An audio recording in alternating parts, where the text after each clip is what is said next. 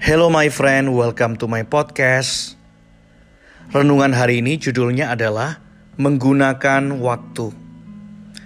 Efesus 5 ayat 16 berkata, Dan pergunakanlah waktu yang ada, karena hari-hari ini adalah jahat. Amin. Dalam perikop Efesus 5 ayat 1 sampai 21, Rasul Paulus mengingatkan kita semua untuk tidak hidup seperti orang-orang kegelapan Orang-orang kegelapan ini adalah orang-orang bebal yang meremehkan status baru mereka dalam Kristus dan lebih suka kembali ke kubangan kotoran mereka sendiri. Padahal penebusan Yesus telah memberikan kepada kita potensi untuk hidup sebagai anak-anak terang. Ini yang membuat kita seharusnya memakai seluruh potensi tersebut untuk menjadi anak-anak terang yang hidup dalam kebaikan, keadilan, dan kebenaran.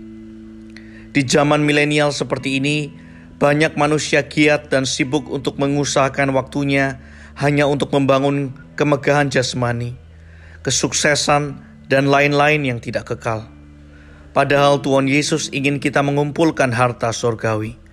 Di sini seharusnya kita sadar akan kebodohan kita dan mulai mempergunakan waktu yang ada untuk membangun yang kekal.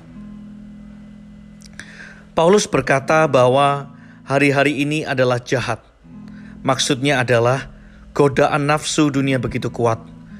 Itulah sebabnya kita tidak boleh sembarangan menggunakan waktu kita.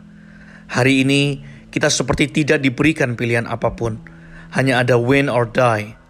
Karena dunia sudah menggunakan seluruh tenaga mereka untuk merusak kita.